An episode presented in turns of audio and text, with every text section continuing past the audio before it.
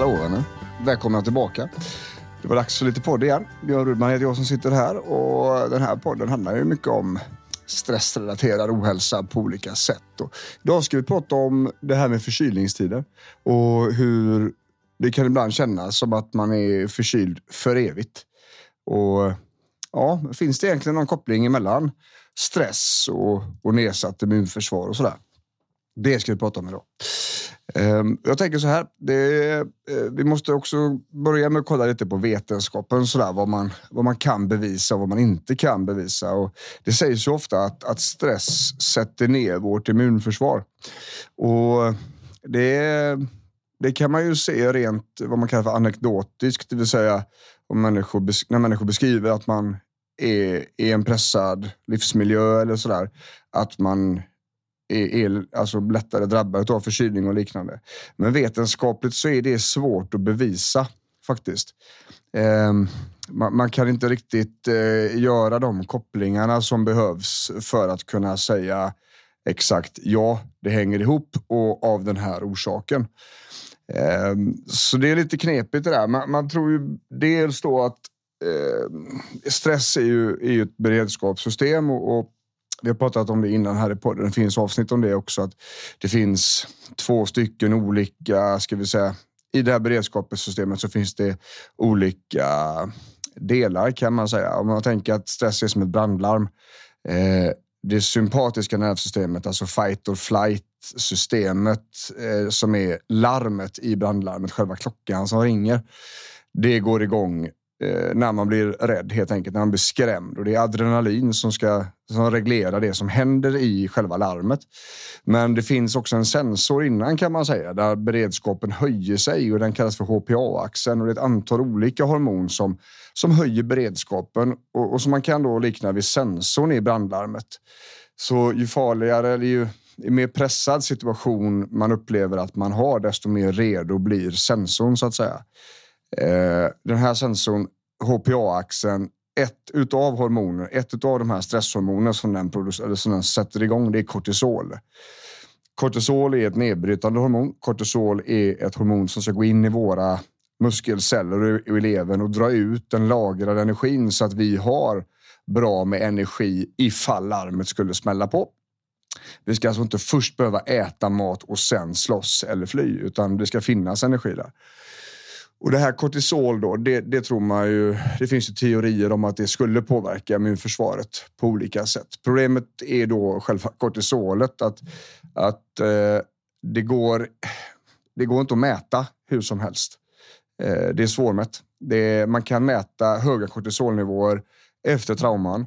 Man kan mäta höga kortisolnivåer hos eh, människor med missbruksproblematik, alkohol och man kan faktiskt mäta höga kortisolnivåer efter förlossningar hos kvinnor. Men därefter så är det väldigt, det går liksom inte att mäta upp att det är en förhöjd nivå. Eh, vad det beror på, det vet man inte riktigt heller. Eh, men man vet om liksom att, att kortisolet är en faktor här, men det är inte tydligt att det är för högt utifrån vad vetenskapen vet nu. Då. Det här är en av de sakerna som man tror sätter ner immunförsvaret. Så att det är komplicerat och det går tyvärr inte att säga just att stress är lika med nedsatt immunförsvar och att man därav skulle bli mer infektionskänslig. Men det finns en grej som faktiskt vetenskapen klarar av att bevisa. Det finns en sak i våra vardagar som höjer immunförsvaret om den är bra och som sänker immunförsvarets förmåga tydligt när den är dålig. Och det är sömn. Sömn är det enda som vetenskapen i dagsläget klarar av att påvisa att det här är helt avgörande för immunförsvaret. Och dålig sömn, det kan vi ju faktiskt koppla ihop med tuffa perioder, med mycket press runt omkring, med en ökad stressnivå, med ökad beredskapsnivå, eh, alltså en höjd HPA-axel och så vidare.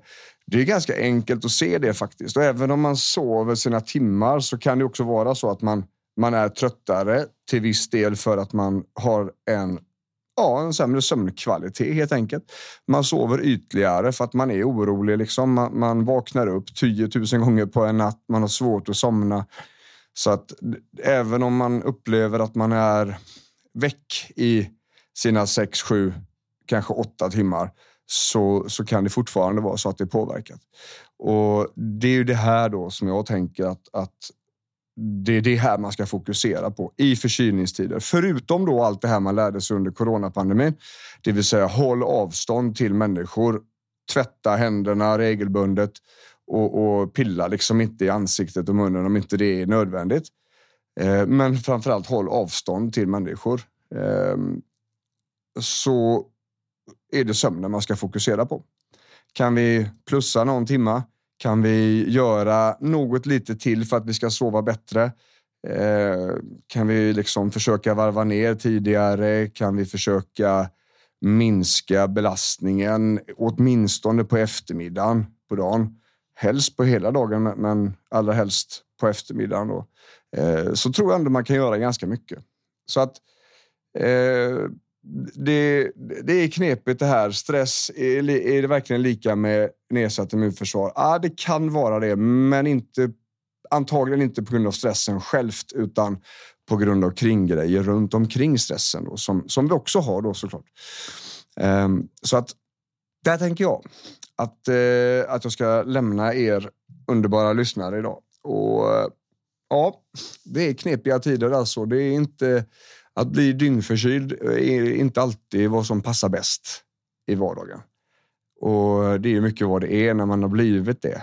Och då, då kan man ju göra mycket saker för att det ska bli bättre och man behöver liksom inte pressa sig själv riktigt lika hårt för att nu är man ju trots allt sjuk. Och fokusera liksom på sig själv och, och krya på sig. Liksom.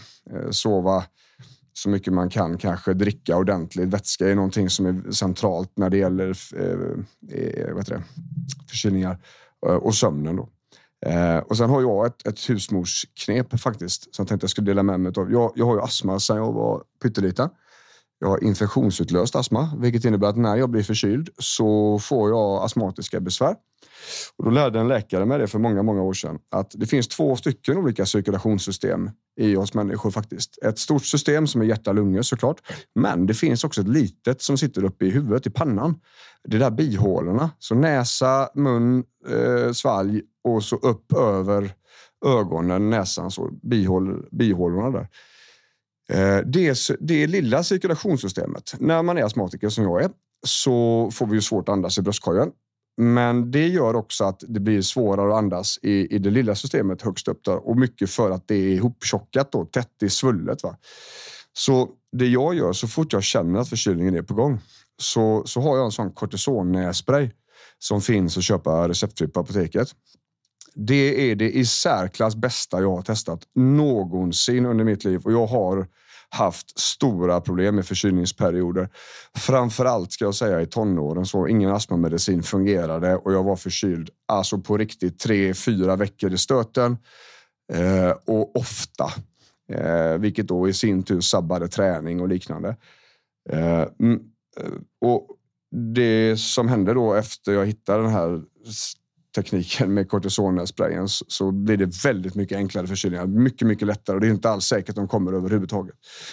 Eh, kortison är ju ett, eh, ämne som, som vi inte ska äta i medicinform alldeles för mycket. Det är en rätt invasiv medicin, men Eh, både astmaspray och sån här nässpray, eh, det blir liksom lokalverkan på det, så det går inte ut i blodet på det sättet. Utan nässprayen sitter i näsan och astmasprayen sitter i, lung, alltså i, i luftrören. Va? Det är lokalt verkande, så det är i regel ingen fara att köra.